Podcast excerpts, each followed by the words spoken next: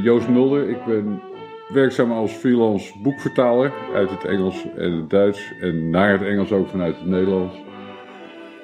Ik ben liefhebber geworden van Nederlandstalige amuse amusementsmuziek van tussen de twee wereldoorlogen globaal. Eigenlijk door uh, de bladmuziek en met name de omslagen. Die zijn me gaan intrigeren. En op een gegeven moment ben ik een beetje gaan kijken in het binnenwerk. Geprobeerd het zelf te zingen en te spelen. En later weer verder verdwaald in de 78 toerplaat. En zonder dat ik uh, heel doelgericht verzamel, heb ik toch uh, in de loop der jaren heel wat in huis gesleept. Dat is het eigenlijk. Ja, ik ben uh, Jackie de Vries, ik ben journalist. En ja, eigenlijk al vanaf mijn, mijn jeugd geïntrigeerd door het vooroorlogse theater. Sowieso vind ik het een, een machtig mooie tijd. Als je, ik, ik verzamel ook heel veel oude programmaboekjes en bladmuziek inderdaad. En uh, het is allemaal zo prachtig vormgegeven. En, uh, ja, het heeft een bepaalde mystiek voor mij. En, het is eigenlijk begonnen met Louis Davids. En toen ik jong was, ik ben nu 50, maar in de jaren 70, toen ik kind was, toen hoorde je hem eigenlijk best nog wel vaak op de radio. Het was toch een, toen nog een legende. Hij is inmiddels best wel vergeten, denk ik. En dat, uh, ja, dat integreerde me, die teksten, die stem, die naam.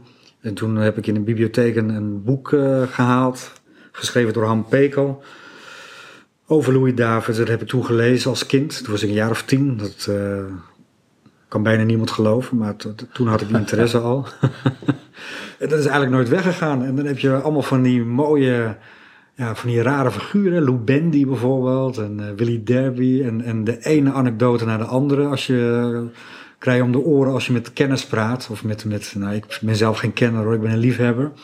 Maar uh, ja, het is toch, het, zijn, het, is vooral een mooi verhaal, vind ik. Ja. Ja, wat ik fascinerend vind is ja, eigenlijk alles. dus het is een beetje een vage entree. Maar ik vind eigenlijk één partituur is eigenlijk genoeg al. Om ja. je binnen te voeren. Dat heb jij misschien ook. Of één plaat. Of in, de, wat je, in jouw geval één programmaboekje of een, een handtekening. Ja. Dat vind ik voor jou dan wel heel grappig dat je. Nee, je bent niet zelf doorgeslagen, maar je bent bezig uh, de doorgeslagen hobby van iemand anders uh, te verwerven. Ja, het is inmiddels ook wel een, een, een doorgeslagen hobby van mij hoor. Maar ik ben inderdaad uh, verzamelaar en ik heb een, grote theatercollectie. tenminste, groot, dat, weet ik niet. Maar het is nooit bedoeld als collectie, maar het is in, ineens was het een collectie. En er zitten heel veel handtekeningen tussen. En, en tussen die handtekeningen zit inderdaad een handtekeningcollectie van een groep, of van twee Haarlemse broers. Die voor de oorlog handtekeningen verzamelden van bekende Nederlanders. En dat niet alleen, maar ze knipten dan de foto uit van de artiest uit de krant. En die kleurden ze heel mooi in. Ja. En, uh, en dan gingen ze naar de artiest toe, ze stuurden het op en dan kregen ze mooie handtekeningen. Dat zijn duizenden, duizenden handtekeningen. Ook voor sporters en dergelijke en politici.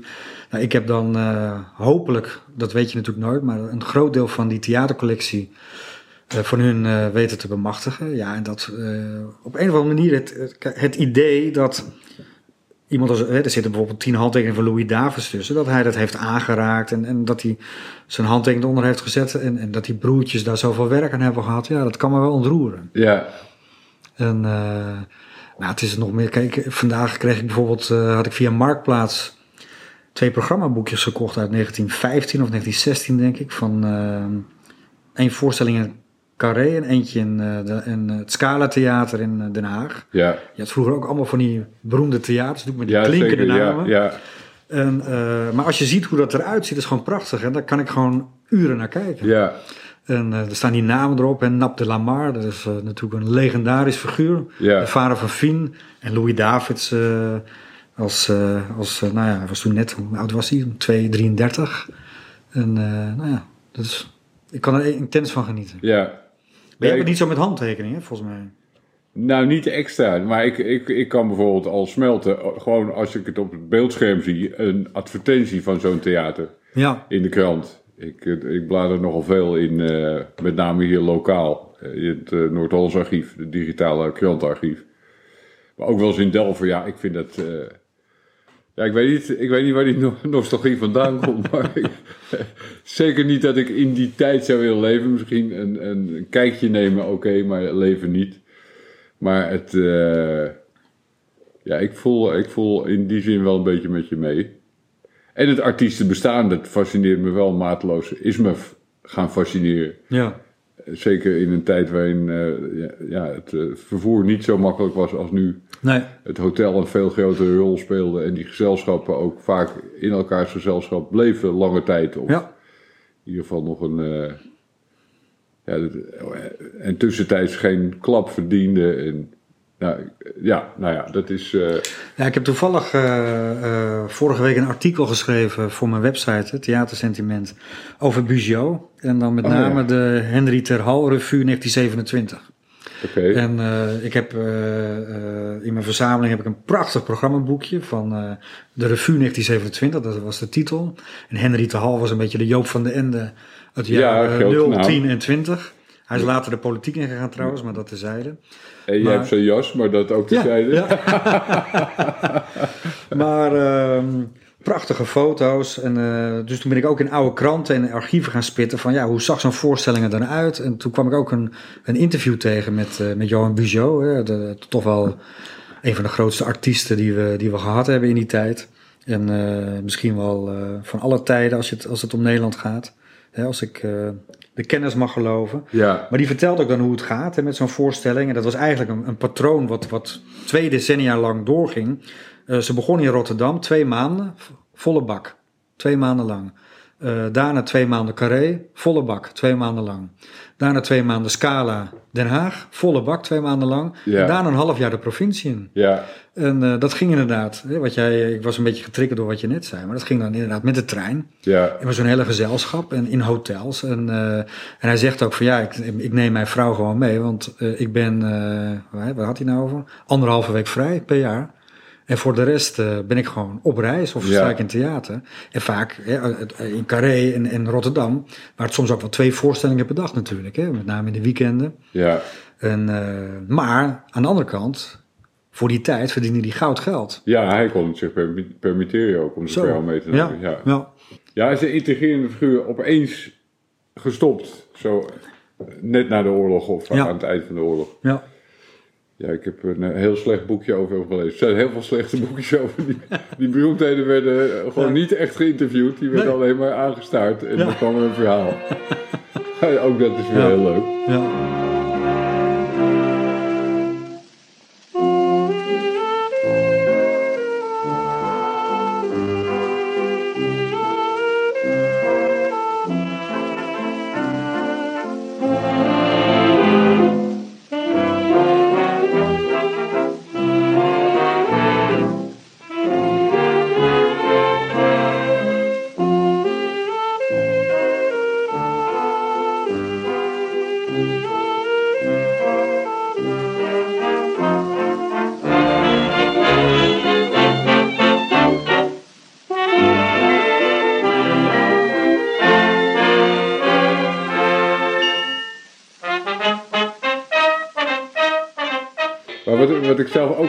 Interessant vind, vaak bij toeval dat ik daarop stuit, dat recensies soms heel uitgebreid zijn. Ja. Ook in het Haarlems eh, Dagblad. ja. En dat je daar inderdaad ook uit opma kunt opmaken hoe het ongeveer ging. Ja. Ook hoe zo'n eh, toch een beetje revue-achtig programma samengesteld was. Met een hondennummer en acrobaat of de lenigste man Ja. van de Noordoostpolder. Of, Ja. want dat bedacht ik vanmiddag, voordat we hier bij elkaar gingen zitten. Er moet ook nog een hele laag onder hebben gezeten. Want alles waarover geschreven werd, althans wat wij hebben gezien, dat, Ja. dat haalde de landelijke aandacht. Maar er was natuurlijk de behoefte aan amusement was natuurlijk eh, veel groter dan wat die, eh, die na- paar namen tussen aanhalingstekens die wij kennen eh, Ja. konden invullen. Dus dat is ook alweer. Ja, je bedoelt de onderstroom eigenlijk. Ja, ja. De B-artiesten uit de jaren Nou 20 ja, en B, 30. in ieder geval die niet Ja. buiten hun, hun eh, eh, geografische gebied kwamen. Ja. En dat bestaat nog. Ja. Af en toe kom ik dat nog wel eens tegen. Dan, Ja. eh, ook via die trompet, dat ik iets zocht en ik een of andere held uit het oosten, Ja. Johan, weet ik veel wat. Heel, die was over, bij, overal bij. Ja. We hebben er nog nooit van gehoord. Nee. Dat is, Ja. Nou ja. Ja, van die plaatselijke revuegezelschappen en cabaret en kleinkunstensembles. Ja. En, ja, ja. Ook door dialect eh, Ja. beperkt soms. Ja. Maar niet beperkt in populariteit. En soms ook niet volgens Nee. mij in, eh, in eh, wat ze ermee verdienen. Nee, In Limburg en zo. Dus van alles is er nog volgens mij. Maar dat was toen natuurlijk nog veel sterker. ja, zeker. Het, ik weet niet of je Kees Stad kent. Ja, Ja, nou ja, dat was ook zoiets. dan heb je ook nog, eh, in elke kringloop vind je daar nog platen van. Ja, ja, In Westfries dialect, toch? ja, ja, ja, ja. Nou, ik denk dat het, ehm, het moet gewemeld hebben van de Kees Stetten, denk ik. Ja, In de jaren 20 en 30. ja. En daarvoor natuurlijk ook. Ik heb ooit een, ehm, op Marktplaats, en dat, dat is een aankoop die ik ben misgelopen. En da- daar heb ik nog steeds eh, af en toe hartzeer van. Maar ehm was een aankondiging van een kermis uit 1896, ergens in de provincie. En waarschijnlijk dan een van de eerste optredens van Johan Buzio. Hè? Johan Oh, Buzio stond ja. er ook op. Ja, Die wilde ik heel graag hebben, maar ja, die ging op een gegeven moment voor zoveel eh, geld weg. Hè? Want er zijn helaas wat, wat ja is kapers, het echt... eh, kapers op de kust. Ja. oh, ik heb geen idee van die wereld. Nee, het is een kleine wereld hoor, want je, op een gegeven moment eh, ken je ze ook wel. Maar Ja. Ja. ja, ik ben wel, aan de andere kant vind ik het ook wel weer mooi dat je niet de enige bent. Hè, dat er toch nog liefhebbers zijn van, van dat genre. Ja. Maar ik heb wel het gevoel dat het, eh, dat het minder wordt. Ik weet niet of er nog, eh, nou ja, ik, als ik wel eens Louis Davids of, of Lou Bendy thuis draaide, wordt er toch wel met, met scheve ogen gekeken. Elvis en de Beatles, dat kunnen ze nog wel, dat handelen ze nog wel.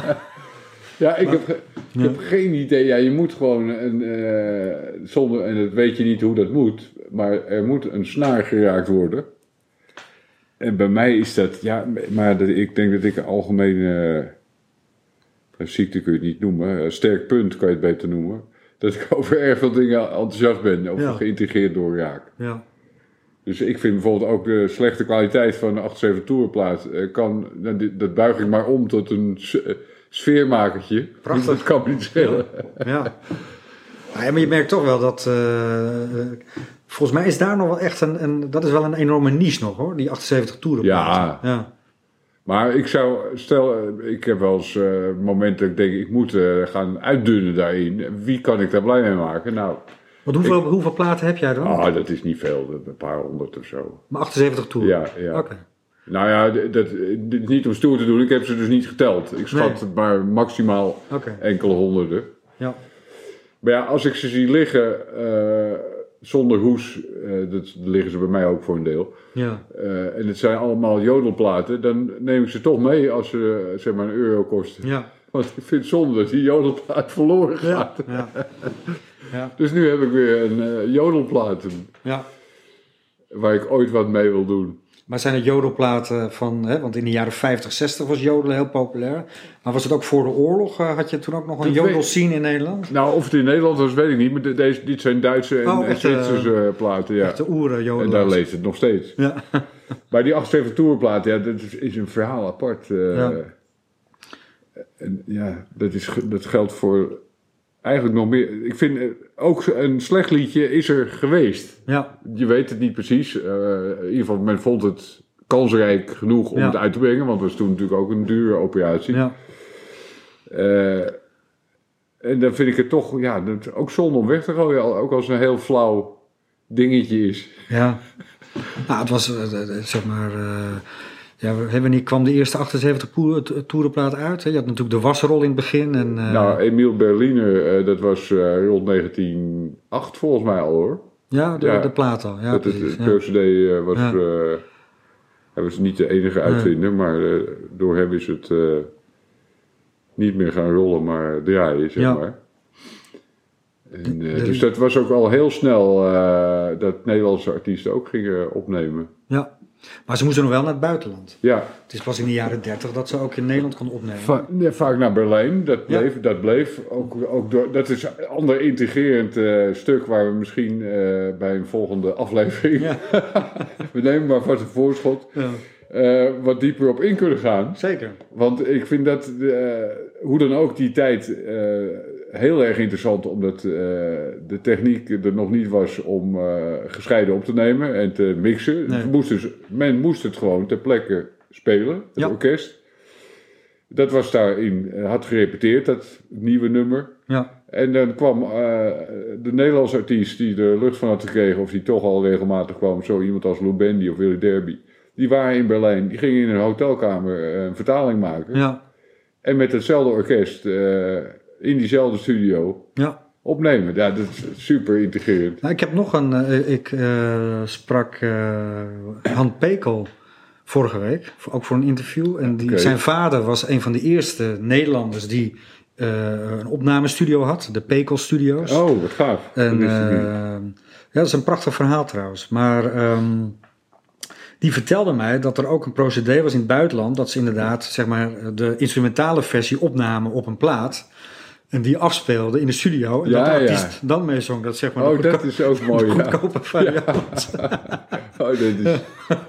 ja, nou ja, logisch. Dat Ja, is, eh, dat is eh, ja, slim natuurlijk. Ja. is eh, wel interessant. Er is een hele mooie cd uitgekomen eh, door, van Dr. Jazz. Dat is een, een, eh, ook zo'n liefhebberslabel. Ja, Met een eigen blad ook. ehm, Charleston in Nederland. En dat zijn, eh, zijn echt prachtige opnames. Maar inderdaad allemaal in het buitenland gemaakt. Berlijn en Londen. Heb jij wat eh, liggen hier trouwens?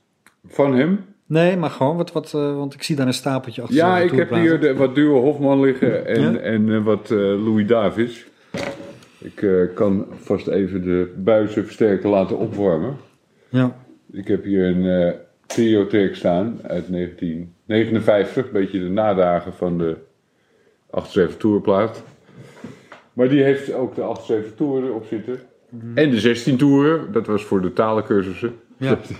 Ja, ook- vind ik ook geniaal. ja. Ik heb ook een, een linkbafoon Engels boven staan. Ja? Ja, ja mooi.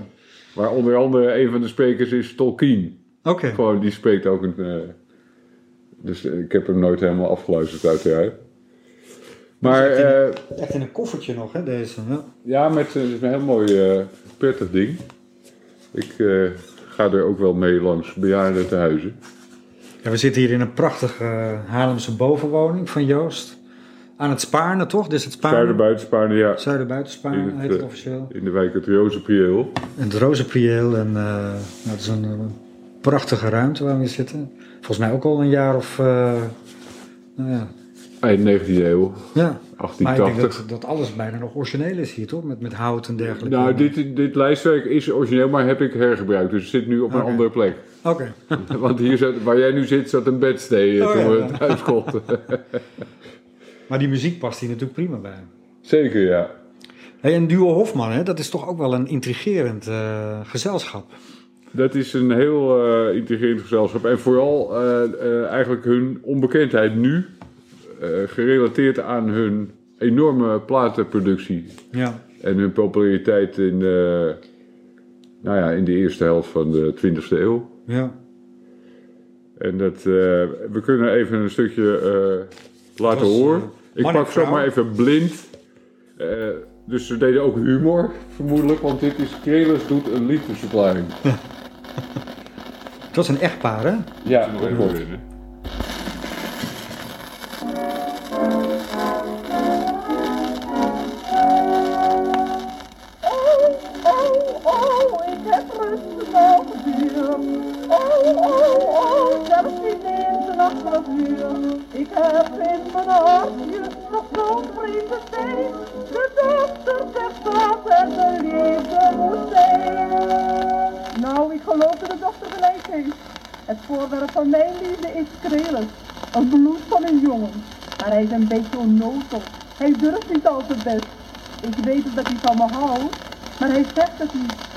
Maar een middel om hem aan het spreken te krijgen, hè?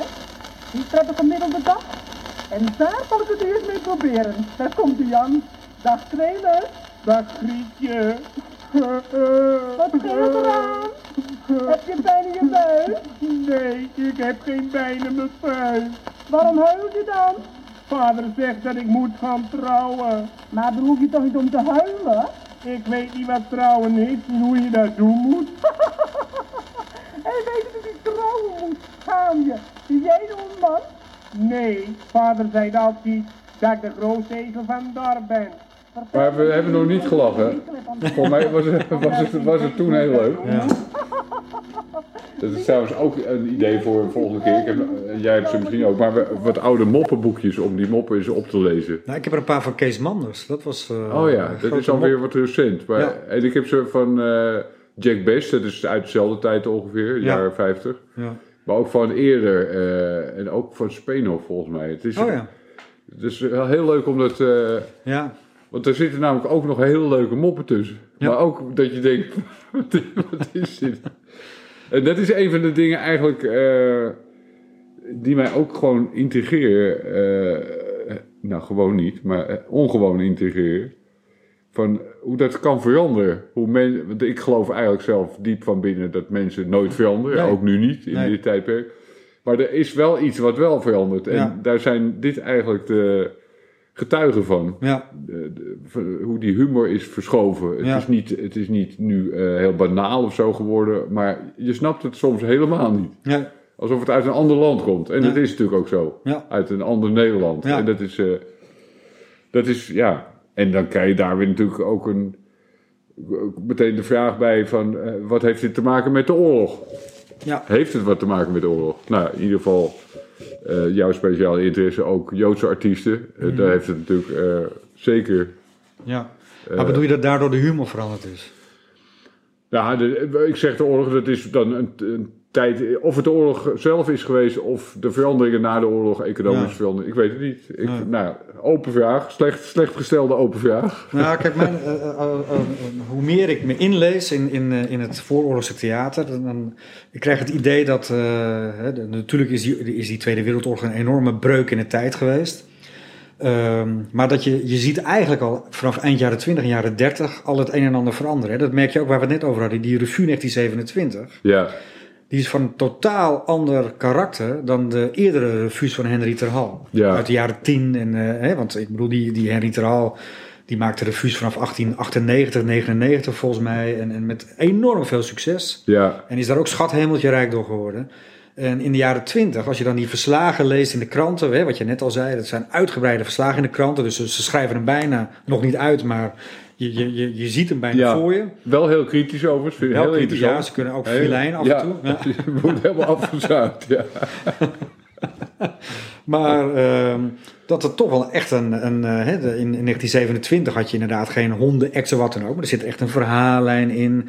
En, en spectaculaire eh, acts en, en, en, en, en eh, lichtshows en, en allerlei effecten. En, eh, en in de jaren 30 ook. Hè. We, we- de jaren 30 worden wel eens onterecht als een beetje tuttig en ouderwets eh, gezien. En ongetwijfeld zal het een, een bepaalde kneuterigheid gehad hebben als je het vergelijkt met nu. Maar toch was het best wel moderne tijd. Hè. Ja. Televisie was eigenlijk al, hè, als je de oude kranten leest, men was al bezig met televisie Ja. bijvoorbeeld. En, en, en er ontstond een jongere cultuur langzaam. En eh, die oorlog heeft, daar, heeft de boel een beetje stilgezet en misschien wel weer teruggeworpen. ja. Maar ik heb wel het gevoel dat die verandering al, al eerder plaats had. Dat het toch wat, allemaal wat De jaren bloeien 30. in Ja. hun wondertere kleuren. En zoet bedwelmend geuren, daar ginds bij Hillegom. Dan zegt moe man, de bloemenvelden mogen we niet missen. Maar pa bromt, ik ga vissen, wat zie je dan zo'n bloem? Na enige discussie komt er een echtelijke wrijving. Maar wenst hem een verstijving of een tamelijk dik gezwel.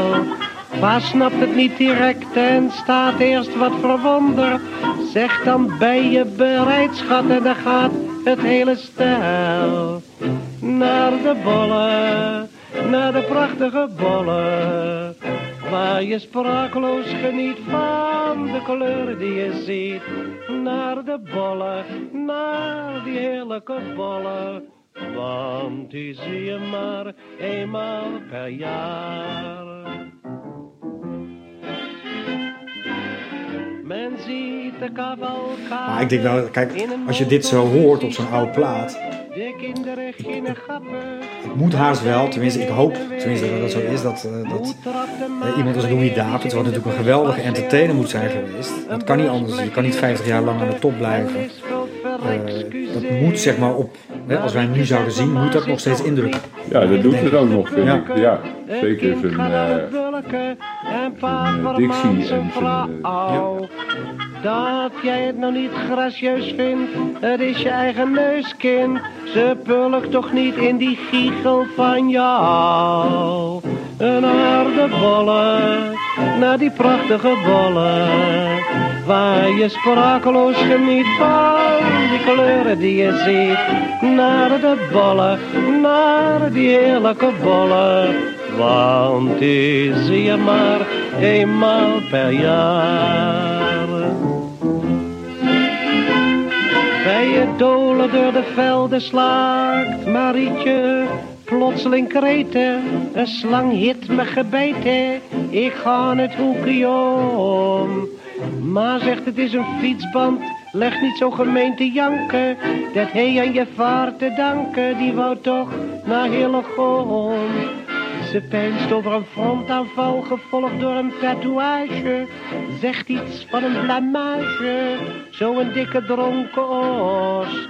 Pa zegt oud fregat, wat let me of ik nek je. Draait onder dat gesprekje een paar ledematen los. Naar de bollen, naar de prachtige Terwijl als je hem ziet, eh, maar als je hem hoort ook, het is gewoon, eh, geniet ja, in ieder geval goed verstaanbaar. Ja. Timing perfect. heerlijke ja, kan niet beter. Het zou nu ook een groter zijn geweest, denk ik. Had het kunnen worden. Ja. Ja, en met eh, deze eh, liedjes van Louis Davids kom je automatisch op Jacques van Tol, verhaal apart, Ja, met een open eind. ja, heel goed overgeschreven door Henk van Gelder met de spookschrijver. Het verhaal van Jacques van Tol was al een soort van tragedie. Die had dan de middelen in huis om eh, eindeloos maatwerk te schrijven, maar hij had het geld ook steeds hard nodig, heb Ja. ik begrepen. ja. Nou, hij is later wel succesvol geworden hoor, eind jaren 30. Ja. Eh, en eh, als je oude interviews leest met, met Louis Davids in, in de krant in de jaren 30, eh, noemt hij de naam wel af en toe. Ja, Ja. Hij, hij noemt af en toe Jacques Vertol, die veel liedjes voor hem schrijft. Ja, En Jacques Vertol werd, eh, was vanaf 1935, 435, eh, werd het wel een bekend figuur. Want hij, hij heeft natuurlijk de, het scenario geschreven voor Op Stap, die film in Ja. 1935. ja, Hij heeft zelf nog een revue of een klein kunstensemble gehad waar hij de teksten voor schreef en produceerde. Met, met heel weinig succes trouwens, want als je daar de recensies van leest, dan lust er honden geen brood van. Maar op een gegeven moment heeft hij wel, hij kon zelf, eh, zich veroorloven om een huis in Laren te kopen. ja, ja, ja, Dat- dat is ja. waar. Ja. Ja, Waar die nog snel even wat onderduikers kon onderbrengen om eh, zijn blazoen te cijferen. Ik weet niet hoe dat precies zit. nee, maar het is een, een magistraal verhaal natuurlijk. Ja. de, de, de. Olympisch kampioen erbij komt, maar zonder enige uitspraak te maken op goed gedrag. Wat ik zou hebben vertoond, want dat durf ik mijn hand niet voor in het vuur te steken. Ja, het was een, eh, een eh, hoe dan ook, is het toch wel een van Nederlands grootste tekstschrijvers. Onvoorstelbaar goed. Ja. En zelfs als het onzin is, eh, heeft het eeuwigheidswaarde. Want ook in de, naar de bollen zit zo'n. zit ook een heel zwak stuk, of eigenlijk onduidelijk stuk. Wat was het nou weer? Bij dolen door de velden slaakt Marietje plotseling kreet. Een slang heeft me gebeten, ik ga het hoekje om. Ja, maar zegt dat is een fietsband, leg niet zo gemeen te janken. Dat heeft te danken, die wou toch nog heel erg om. nou, dat klopt allemaal nog. En dan is het, ze denkt over een tatoeage. Zit eh, zo'n dikke dronken oors. Nou, dat is echt. Maar het past wel. Ja. En het, het, zit- het is er nog steeds. dus, eh, dus dat is. eh, Maar je herkent zijn humor, hè? Hij had toch een bepaalde, ja, dat, dat hij dan met, met chique woorden een, een heel banaal Amsterdams Jordanees tafereel eh beschrijft. Dat is ja. natuurlijk magistraal bedacht. Het past, eh, Ja. en het past perfect eh, op de muziek. Ja. Het, ja, het is heel, heel knap. leuke teksten nog steeds. Ja, Ook de kleine man, ja, dat is echt, dat is weer een ander aspect van deze liedjes. Dat het een, ja, het is een soort bevroren tijd ook, ja, qua thematiek. En ook weer niet, want ik vind dat, ja, gedateerd is meteen tijdloos eigenlijk, Ja. bij mij. Ja. Dat zal niet iedereen hebben, maar eh, Kleine Man is natuurlijk een beetje een besmet nummer vanwege de andere versies die er ook van zijn gewe- geweest. ja zelfs eh, de, de oerversie van de kleine man, dat is, die was in die tijd toch ook heel beladen. Ja, En het is eigenlijk een heel rechts nummer. Ja, maar, het- nou ja, maar, maar wie is er rechts? Het is- is, het is niet, het is- ik vind het zelf niet een clublied voor rechts.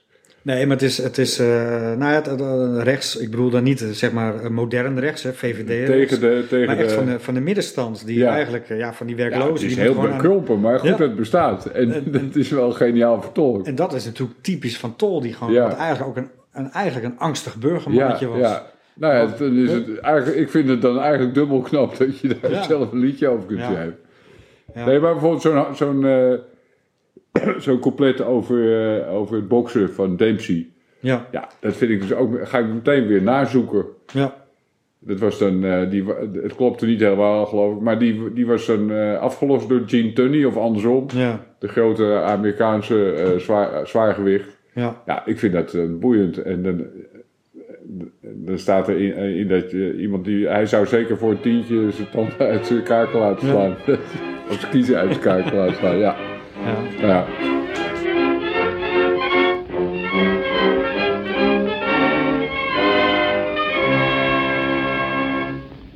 Ik ben de sigaar. Ik moet gaan stemmen. En ik voel er niks voor. En nou hebben ze me verteld, als je niet gaat, krijg je drie gulden boete. En ze binnen met honderd man in die kamer. Dat is drie centen per persoon. Dat gun ik ze niet. Wat kan mij nou die kamer schelen? De keuken interesseert me niet eens. Maar ik heb er een trucje op. Ik stem blanco. Daar kunnen ze je niks van maken. Kan mij het nou schelen? Als je stemt of niet stemt, het blijft allemaal hetzelfde. De kleine man krijgt de klappen.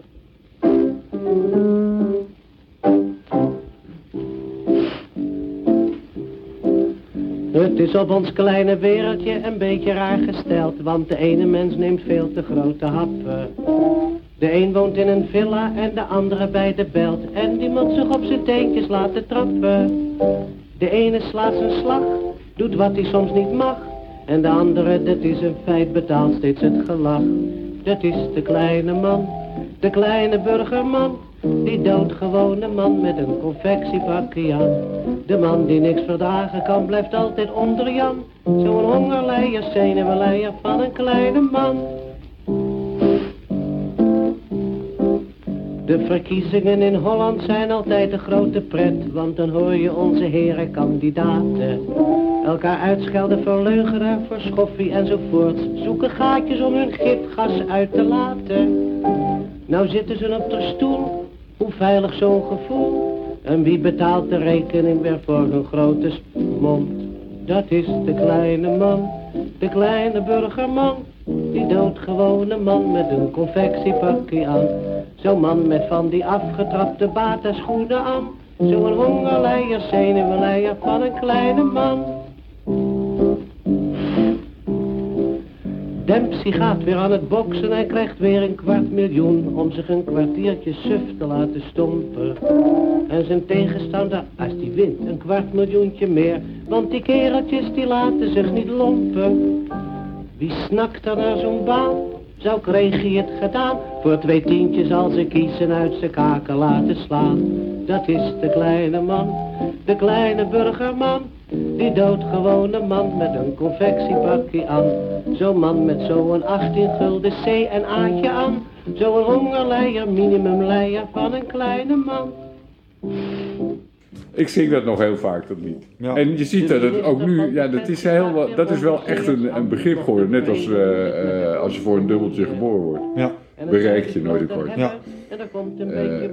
Dat is gewoon, dat, dat is wel echt ingegrift. Ik kan het me niet herinneren als kind het gehoord te hebben, maar dat is een moet voorbij uitdrukking zijn geworden. gekomen. Ja, Ja. precies. Dat is, eh, of was het misschien toch al. ja.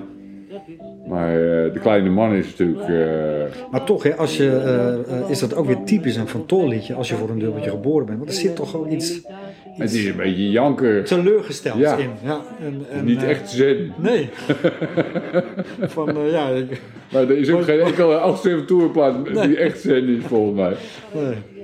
Maar wat, ik, wat, wat, wat in mijn optiek een van de mooiste teksten van, van Jacques van Tol is, maar tegelijkertijd ook weer een mysterie, omdat hij zelf heeft aangegeven het niet geschreven te hebben. Maar ik geloof er niks van, want het is in alles een Van Tol. Ja, taalgebruik, woordgebruik. Dat kan Davids nooit zelf geschreven hebben, is Het Hondje van Dirkie. Oh ja, ja, ja. En dat is zo'n prachtig lied. Ja, Helaas niet bewaard gebleven in de versie van Davids. Hij heeft het volgens mij, nee, hij heeft het niet op de plaat gezet. Nou, dat is inderdaad, dat nummer kende ik al wel heel lang, want daar ben ik echt door weggeblazen toen ik eh, als 18-jarige Ja. voor het eerst op kamers woonde. Ja. In de Jordaan notabene. Grote vergissing, maar ik paste op een huis. Eh, even, oh ja.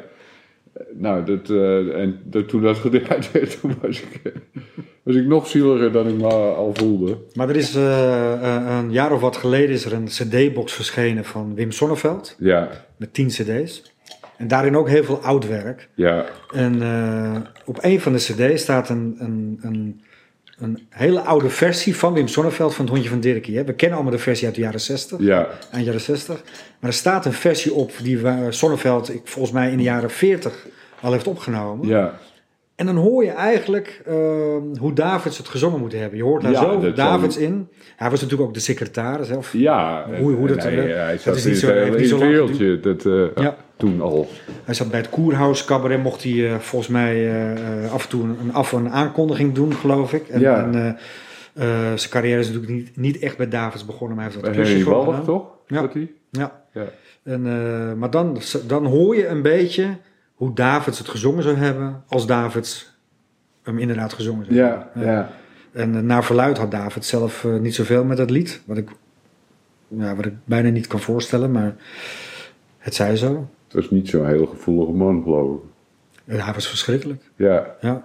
dat Ik, geldt voor meer van die gasten. Ik, eh, ja, ik, ik ben enorm geïntrigeerd natuurlijk door Louis Davids. Maar ik, ik- het lijkt me leuk om daar in een volgende aflevering gewoon eens wat dieper op door te gaan. Ja. Maar als je die, eh, die verhalen hoort, hè, dat interview met Han Peker wat ik vorige week had, dat ging onder meer over het boek eh, over Louis Davids wat hij geschreven had op een kantelpunt. Hè. Hij schreef dat eind jaren zeventig, toen al die ooggetuigen, tenminste niet alle ooggetuigen, maar een groot deel ervan nog leefden. En hij vertelde toen we het boek begonnen, toen werden we eigenlijk eh, benaderd door allerlei eh, oudere dames. Die een boekje opendeden over het seksleven van Louis Davids. Oh, ook nog. Ja, dat, Dat hebben we allemaal niet, niet in het boek gezet. Maar die man was een enorme schuinsmarcheerder. En, Ja. en, Luister zus ook. ja, ja, Ja. daar heb jij dan weer mooie verhalen over.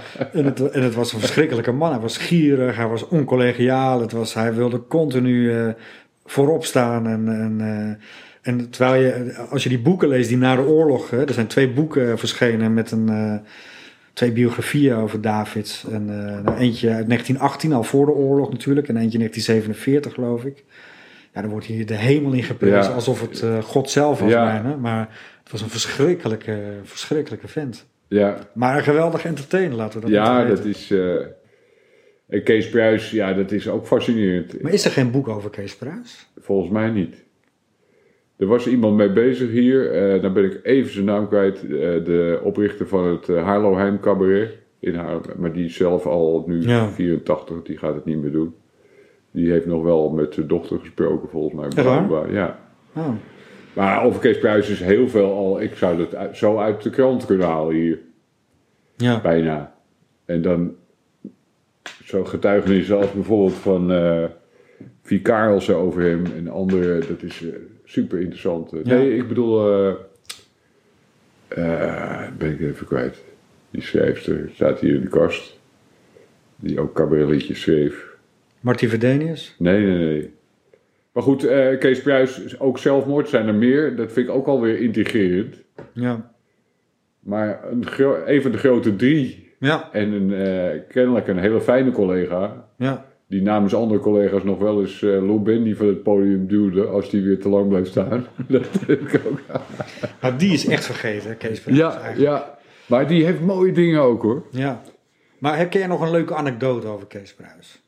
Nou ja, dit, dit wat ik nu niet goed, goed kan reproduceren, dat hij inderdaad eh zijn, en nou ga je eraf, anders slaak je eraf. Ja? Omdat er een, een eh, dus Ja. Lou Bendy hield een vrouwelijke artieste die ook gewoon haar Oh, ja. nummer wilde doen van het podium. Want hij, die man was onverzadigbaar op meerdere terreinen. maar ook gewoon aandacht van het publiek. Ja. Kees Pruis, ja, vind ik gewoon een intrigerend verhaal. Eh jongetje uit eh, appelverkoper, zeg maar, uit Ja. Spaarndam. Ja. En dan eh, zo'n groot artiest worden. En eigenlijk de belangrijkste aanleiding om mij in zijn leven te verdiepen. Een hele kleine aanleiding, maar mijn vader heeft hem nog zien optreden in de bevrijdingsdagen in Amsterdam. Toen trad hij in het raam van zijn eigen huis op. Hij woonde één hoog ergens. Ik geloof Geweldig? Ja. de Churchill aan. Ja. En dat is ja, dat is fascinerend. Zijn zoon is toch ook eh, redelijk Mr. beroemd? Doodle. Ja, Mr. Doodle, dat Ja. was het, ja. Ja. Ik weet niet of die naam dat komt. is ja. ook, ja, dat zijn ook kinderen van. is natuurlijk ook een heel interessant. eh, zoals uh, Koosje Speenhof. Ja. eh, Die bij de NSB eh terechtgekomen is. ja. nou, dat is weer ook een verhaal apart. Ja. En Mr. Doodle is ook niet heel succesvol geworden volgens mij. Nee, nee. Dat is ook eh, niet zo'n goede naam. Bewuste naam. Ja, Ja, het is een soort gecastrerende naam. Ja. Je kan je vader heel erg helpen door als Mr. Doodle op te treden. ja, die eh, heeft nog jarenlang in het snabbelcircuit rondgewandeld hè, in, eh, na de oorlog. Hij was de Maurice Hermans, zeg maar. Van Ja, de- precies. ja, die had er misschien meer lol in. Ja. Hey, Ja. Maar eh, nou, als we zo aan het praten zijn, hè, dit is dan een introductie, maar ehm, ja, ik, ik zie hier wel een leuke serie in, toch? Een Ik denk ook als we, als we zeg maar, allebei een soort toch een soort huiswerk doen zonder voor te koken, dat we ergens uit kunnen putten. Ja, Van die toevalsfondsen, een beetje à la David Attenborough van Ja. eh, de, de groen-gele boomkikker is al jaren niet meer gezien. Hé, hey, wat zie ik? Daar is hij. Met jongen. dat, dat, dat kunnen wij ook. Hey, heb je iets van Kees Pruis eh, liggen? Om eh Eh, als afsluiten voor... eh, Nou, ik heb wel een. eh, dat, dat is niet van Kees Pruis zelf, maar dat is wel een interessant voorbeeld van die, eh, als je het zo mag noemen, kruisbestuiving. tu- Want dat is natuurlijk een een gegeven op zich. Ja, het is ook een goeie. Eh, tussen Duitsland. Duitsland was dominant natuurlijk in alle opzichten. In de wetenschap, eh, Ja. maar ook in de amusementsmuziek. Ja. Mode, oh, ik heb hier ook Film. een Willy Derby. De- maar dit nummer bijvoorbeeld is door Kees Pruis eh, opgenomen. Dat heet Mijn Vetter Nick. En dat is als eh, mijn neefje uit Amerika is dat door Kees Pruis Oh ja. opgenomen. ja, dat ken ik wel. En een geweldig leuk nummer. Ook een hele mooie partituur. Oh, ik moet even weer.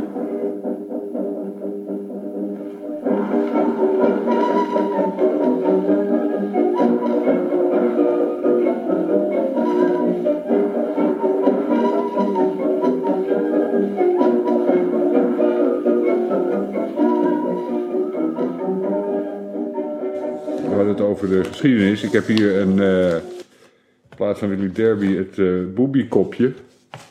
Dat is zo'n, eh, nou je had het over Charleston dingen, de kapsel Ja, de uit die Bobby, tijd. ja. ja, en- Bobcat. ja, Nee, hoe heet het nou? Bo- De- ja, Boobie-kopje, Ja. Bobcat. En dat is ook al mooi op het BK-label. Maar die, labels alleen. Ja, dat is ook- joh, prachtig. Beker. zijn- Ja. Dat is ook leuk om, om eh, op de radio te proberen iets van te... Beschrijven. Ja, Ja. want ik heb zo'n, ik heb een boobie tondeuze ook nog gevonden later. Die- Ja? die- Speciaal klein tondeuzetje beneden liggen. Ja, dan is het voor mij compleet. Ja. En ik heb de partituur hiervan. Dat is dus ook het mooiste. Een duo van een plaat en de partituur. Mooi. Ja, dat is een mooie plaats. Is Die die is wel... afspeelbaar of niet? Ja hoor, dat gaat... eh, met deze, misschien wordt hij wel helemaal gescalpeerd. Maar ik denk wel dat het gaat lukken.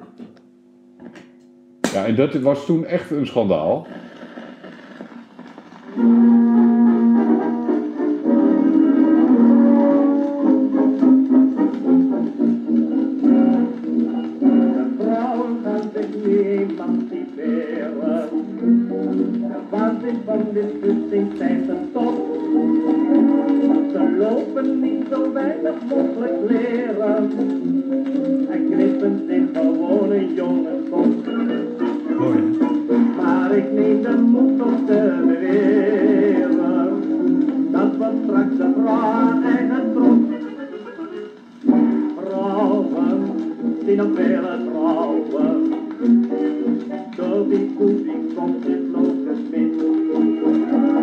Je kan het niet meer rustig kan verhouden. Wat een jongetje of wat een meisje. Tel, ja, het is een moderne liedje. Prachtig. Ja. Het is echt een, eh, het geeft een prachtig tijdsbeeld Ja. van de jaren 20 natuurlijk. Ja. Ik zal die tot deze even pakken, want het, dat hoort wel. Het is wel eh, radio, maar het is. eh. Maar je wordt toch net ervan. Ja. Rokken van zijn dochter losse haren. Lopen heer en vrouw nu langs de straat. De mannen voeten dreigen de gevaren. Voelen dat dit niet loopt vroeg of laat. Want ik weet dat over een paar jaar. Dit is echt dan compleet iets voor een tentoonstelling, hè? Ook met de partituur. Dat is mooi. Een oud doosje. Boebiekopf machine. Waar heb je dit vandaan, joh? Hè? Waar haal je dit vandaan? Ja, die kwam ik op een uh, botermarkt tegen hier. Jeetje. Geweldig. Ja, ik vond het sensationeel combinatie. Ja. Ja, mooi. Maar als je dit goed hoorbaar over de radio is, eh, zo'n